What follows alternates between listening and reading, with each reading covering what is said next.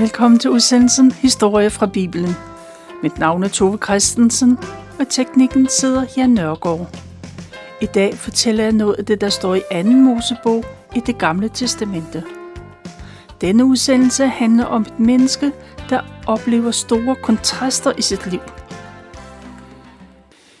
Israelitterne er slaver i Ægypten. Der er ikke mange vidnesbyrd om, sådan rent arkeologisk, men der er mange ting, der peger i den retning. Israelitterne var ikke husslaver, de var statsslaver. Netop på den periode, israelitterne opholdt sig i Ægypten, brugte Farao blandt andet krigsfanger til at gennemføre sine byggeprojekter. At være statsslave var faktisk et hårdt liv, slid med at vedligeholde kanaler og damme. Slaverne rensede græs, mud og vand op ad kanalerne og lade det ud på markerne. Derudover krævede Faros mange byggeprojekter arbejdskraft. Israelitterne blev tvunget til at bygge kaserner og militære anlæg. Der hvor herren havde sin base, når de tog på feltog. Og der er fundet tekster på papyrus, som fortæller om slavernes hårde slid. Andre tekster give ordre om, at slaverne selv skulle samle halm til murstenene. Og der er tekster, som viser, hvordan slaverne var organiseret i arbejdshold, som skulle overholde bestemte produktionsmål. Men man kan også se, at der er stort set ingen, der kunne opfylde de krævende kvoter. Pisken er i min hånd, vær ikke doven. Sådan står der på en billedfrise, der er fundet i en gravhule.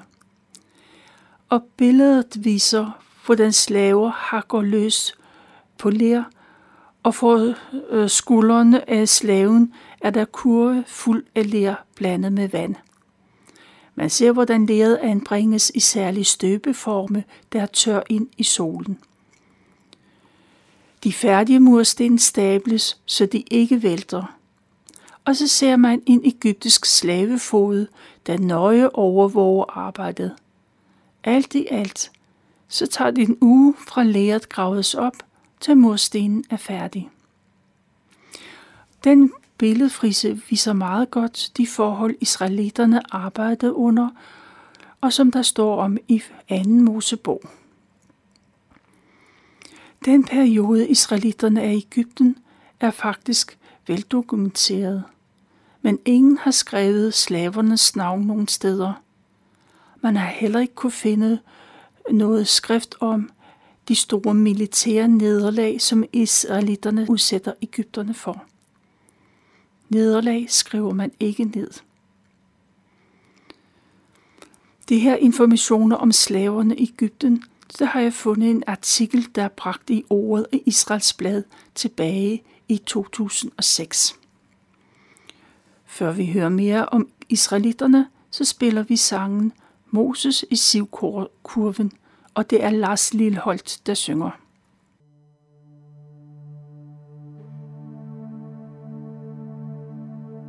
Da drengen skulle skjules, fordi han lå og skreg, så tog hans mor en sivkur og tætnede den med bag. Og kurven flød på nilen imellem sten og siv. Så kom der en prinsesse og frelste drengens liv. Hans søster havde gemt sig et sted på Nilens bred. Tæt ved den lille sevko, som hun holdt øje med. Hun så prinsessen komme, prinsessen tog et bad.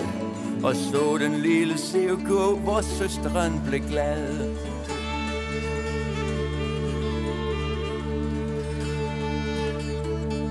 Ah! Prinsessens kammerpige trak kurven ind på land. Prinsessen åbnede kurven og så den lille mand Der græd han i det samme. Man fik et kys til trøst. Hvor finder vi en arme Som giver den lille bryst Hans søster kom og nejede Med sine barbie. Vi spørger om en arme, og jeg tror, jeg kender en. Bring hende, sagde prinsessen, hvis stemme lød så varm. Så hentede hun moren, som tog ham til sin barm. Bring hende, sagde prinsessen, hvis stemme lød så varm. Så hentede hun moren, som tog ham til sin barm.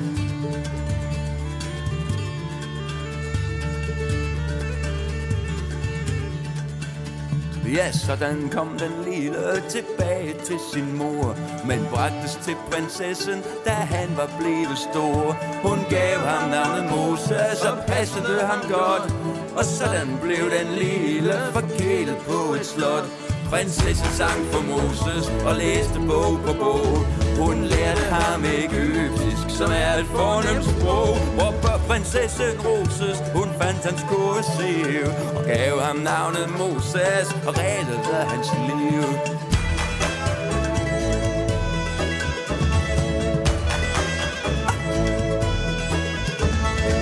Prinsessen Roses, hun fandt hans kursiv Og gav ham navnet Moses, Der reddede hans liv Og gav ham navnet Moses, og reddede hans liv.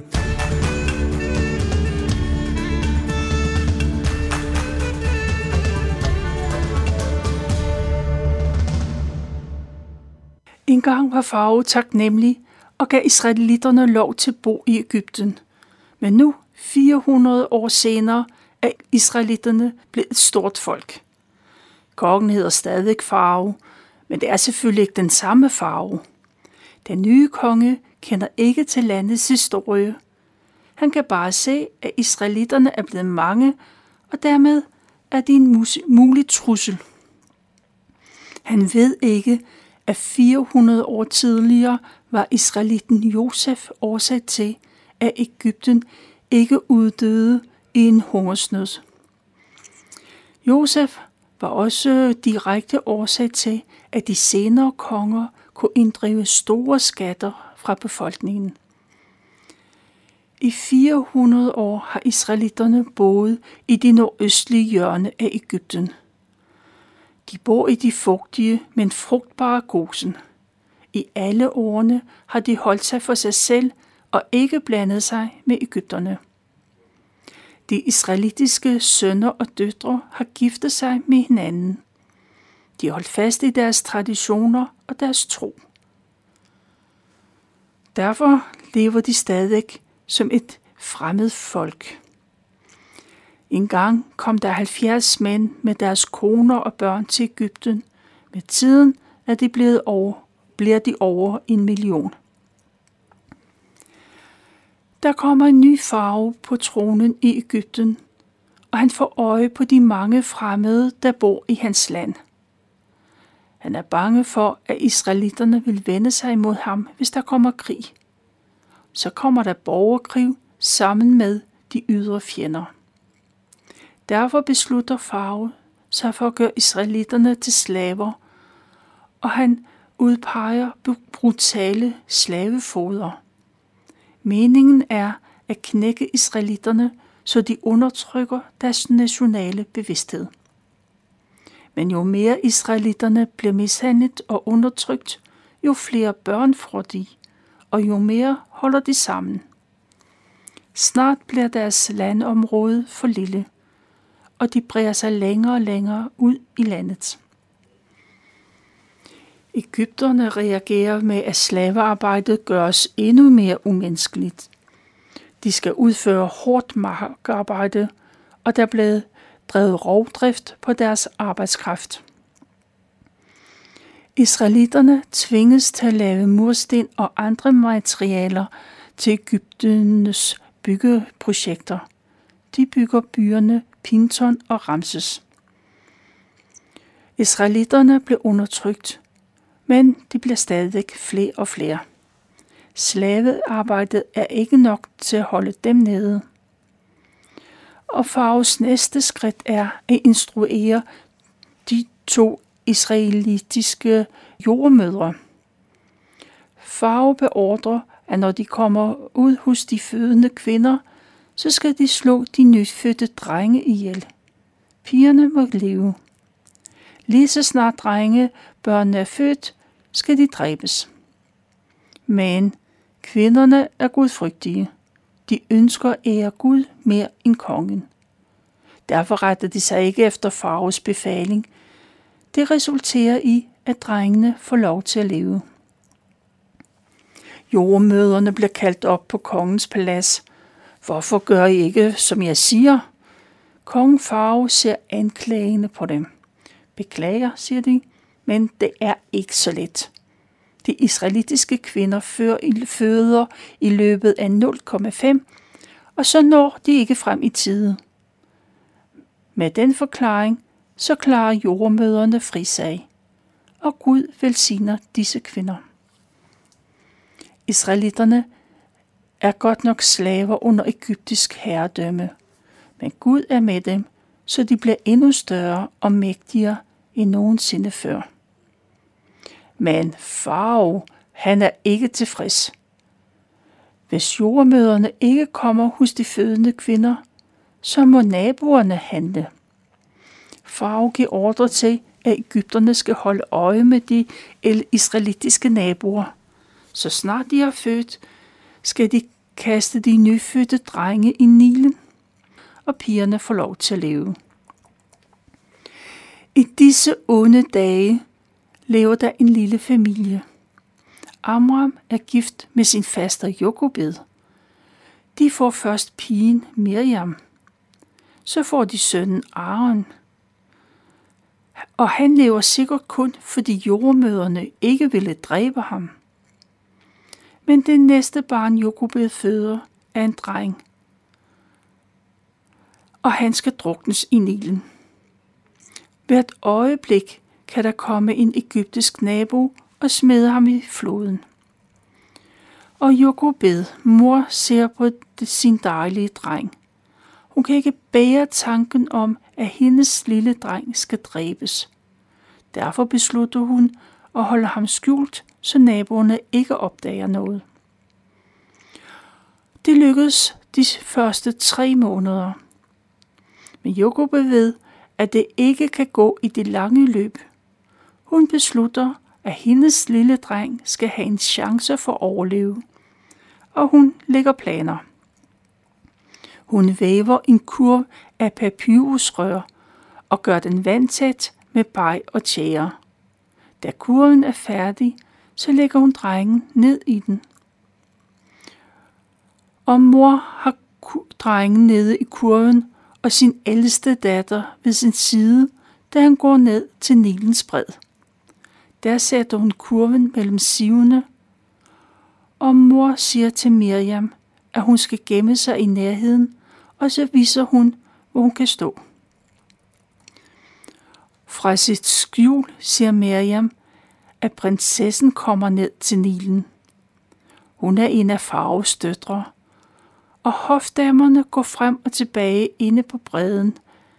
Prinsessen går selv ud i Nilen og begynder på det hellige ritual, som hun har gjort sig klar til. Ude i vandet får hun øje på kurven, der står mellem sivene, og hun sender en af hofdamerne hen efter den. Da prinsessen løfter låget på kurven, ser hun en lille baby, der ligger der. Og i det samme begynder drengene at græde, og det berører prinsessen dybt i hendes hjerte. Hun er klar over, at det må være en af israelitternes drenge. En dreng, hun bør drukne, men det kan hun ikke få sig selv til. Prinsessen, hun vil tage drengen til sig. Hun ved godt, at det ikke er unormalt, at ikke kongelige vokser op på slottet. Det er der flere andre, der gør. Men det unormale er, at det er en israelit, der er fundet i en kurv i Nilen. Prinsessen står og ser på drengen. Så kommer Miriam frem fra sit skjul. Hun tilbyder at finde en israelitisk kvinde, der kan være arme til barnet. Og prinsessen er glad, for drengen skal have en arme, hvis han skal overleve. Prinsessen skynder sig at sige ja, og Miriam løber. Snart er hun tilbage sammen med mor Jokobed. Ingen fortæller, at det er barnets mor, der skal være amme, men måske har prinsessen en anelse om det. Kvinderne bliver enige om en ordning. Jokobed skal tage den lille barn med hjem og amme ham. Hun skal nok få betaling for det arbejde. Når drengen er vendet fra, skal hun komme op på paladset med ham. Den lykkelige mor går med sin lille dreng i armene. Hun har fået lov til at beholde ham, i hvert fald et stykke tid, for på den tid bliver børnene ammet i flere år. Mor Jokobed og far Amram er lykkelige. De har alle deres tre børn omkring sig. Som alle andre israelitiske forældre, så lærer de deres børn om Gud Herren. De fortæller, at Gud på en særlig måde var med deres forfædre Abraham, Isak og Jakob. De fortæller beretningerne om, hvordan Gud har lovet, at deres folk engang skal blive et stort folk, og de skal bo i Kanaans land til evig tid. Det er hårdt lige nu, men der kommer andre tider, for Gud vil holde sit løfte. Amram, Jokobed, Miriam, Aren, de holder alle sammen meget af den lille dreng. Årene går, og drengen skal vendes fra. Mor er klar til at overholde sin del af aftalen. Hun tager drengen i hånden, og sammen går de op til paladset. Prinsessen adopterer den lille dreng og kalder ham for Moses. Nu er Moses ikke længere søn af en slave, men søn af en prinsesse. Moses får en helt nyt liv oppe på det mægtige Faros slot. Han får nye smukke klæder og den bedste uddannelse. Han lærer om al Ægyptens visdom, og han bliver kendt med deres religioner. Han lærer sikkert om de egyptiske guder, om hvordan man tilbeder dem. Han læser mange slags bøger og lærer, hvordan man fører regnskab. Og så tager han selvfølgelig del i den underholdning, der er. Men noget tyder på, at Moses ikke føler sig godt tilpas ved hoffet. Han lever og bor i de fine sale og gemærker. Men han er ikke ligesom de andre rige unge mænd. Han føler ikke, at han hører til i alt den overflod. Moses husker sin mor og far og ved, at han i virkeligheden hører til et helt andet folk. Men Moses lever en beskyttet tilværelse, langt fra det liv, hans landsmænd må leve. Han kender ikke de umenneskelige forhold, slaverne stadig lever under. Da Moses er 40 år, får han en stor lyst til at opsøge sit eget folk. Han er på byggepladsen og ser, hvordan israelitterne arbejder hårdt i den varme sol. Så går han forbi sine landsmænds huse og ser de nedslidte mennesker. Han ser håbløsheden i deres øjne. Og Moses bliver vidne til en episode, der rører ham dybt. En egyptisk opsynsmand gennembanker en af de israelitiske slaver. Han bliver straffet hårdt og brutalt. Og Moses føler, at han må reagere. Han ser sig hurtigt om for at sikre sig, at de også er alene. Så går Moses hen til den voldelige opsynsmand og slår en prober næve. Moses ser manden falde om og er død. Moses ved godt, at det kan få konsekvenser, det han har gjort. Man dræber ikke en Ægypter ustraffet. Derfor graver han den døde mand ned i sandet. Han skjuler sine handlinger. Og så går Moses hjem til paladset og tænker måske, at han har gjort noget godt for israelitterne den dag. Næste dag går Moses igen ud for at se på israelitternes forhold. Det er måske første gang, at det virkelig går op for ham, hvordan det forholder sig. Moses går imellem husene og får øje på en slåskamp imellem to israelitter. Moses han bliver forarvet over deres uenighed. De burde holde sammen. Og Moses råber til ham, der startede slåskampen. Stans, råber han. Du slår dig ikke på en af dine landsmænd. Urostifteren, han genkender Moses, ham den fine mand fra paladset. Så siger han, du tror måske, du er prins og er dommer over os, over os israelitter. Du har måske tænkt dig, at du også slår mig ihjel på samme måde, som du dræbte Ægypteren i går. Manden er vred og frustreret, og Moses får svar på tiltale. Men Moses blev bange, for det går op for ham, at han er opdaget. Hvis Ægypterne hører om det, så vil han blive straffet, prins eller ej. Og hans bange anelser går i opfyldelse. Historien kan ikke holdes hemmelig, og den kommer for Faros ører. Han beordrer sine vagter til at arrestere Moses og henrette ham. Men Moses er ikke længere i paladset. Han er flygtet.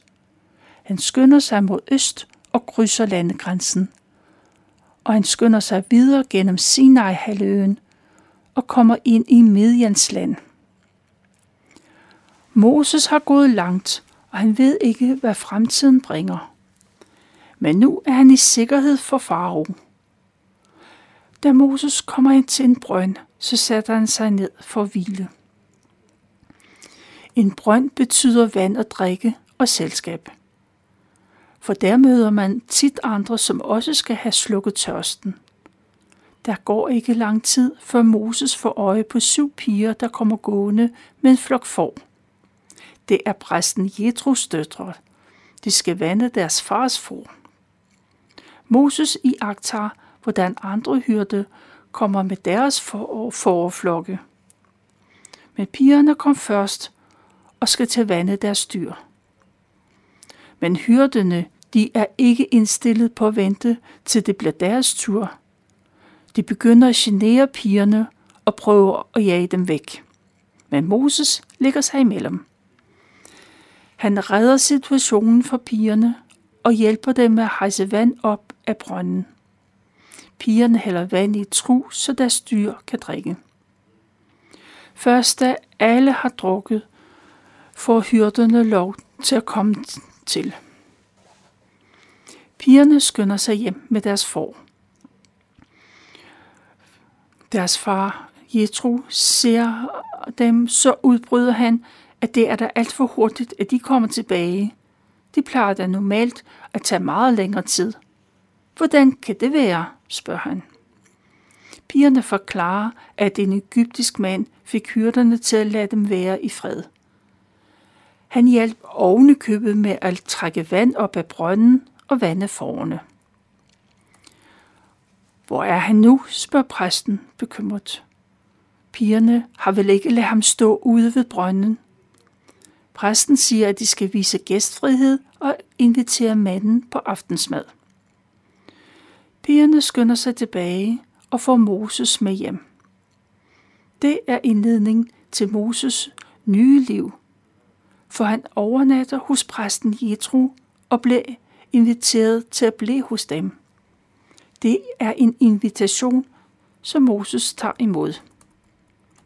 Nogen mener, at Jethro engang var præst ved templet i Ægypten, men at han af en eller anden grund faldt i unåde hos farve. Derfor blev han forvist til et afsidesliggende tempel i Midian, Og det er der, han nu bor. Præsten synes godt om Moses, og han giver en af sine døtre til Moses. Seprua og Moses bliver gift, og de får en søn. Ham kalder de for Gersom. Det er et israelsk navn, der betyder udlænding, for Moses bor som udlænding i et fremmed land. Da Moses kommer til præsten i Midian, begynder han på et nyt liv. Som 40-årig bliver han forhyrte og passer sin svigerfars for.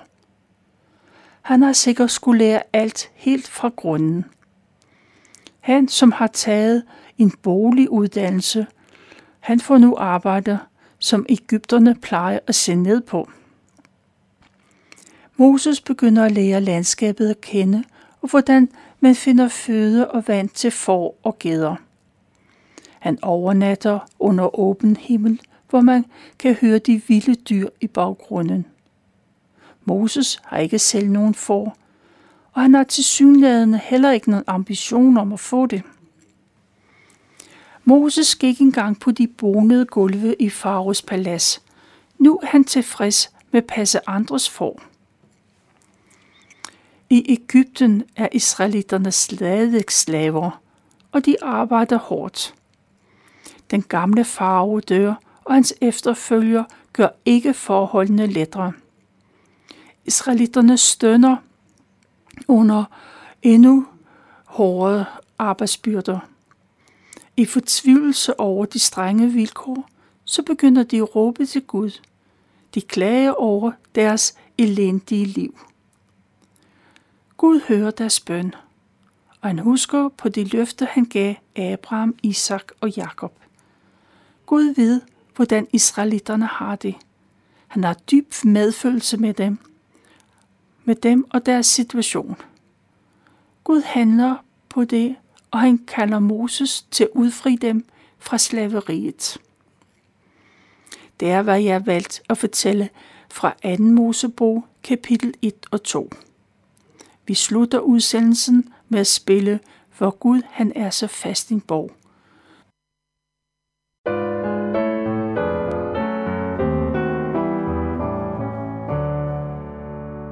Hvor Gud han er så fast en bog Han kan os vel bevare. Han var vor hjælp i al vores sorg. Vort værn i al vor farve. Den gamle fjende led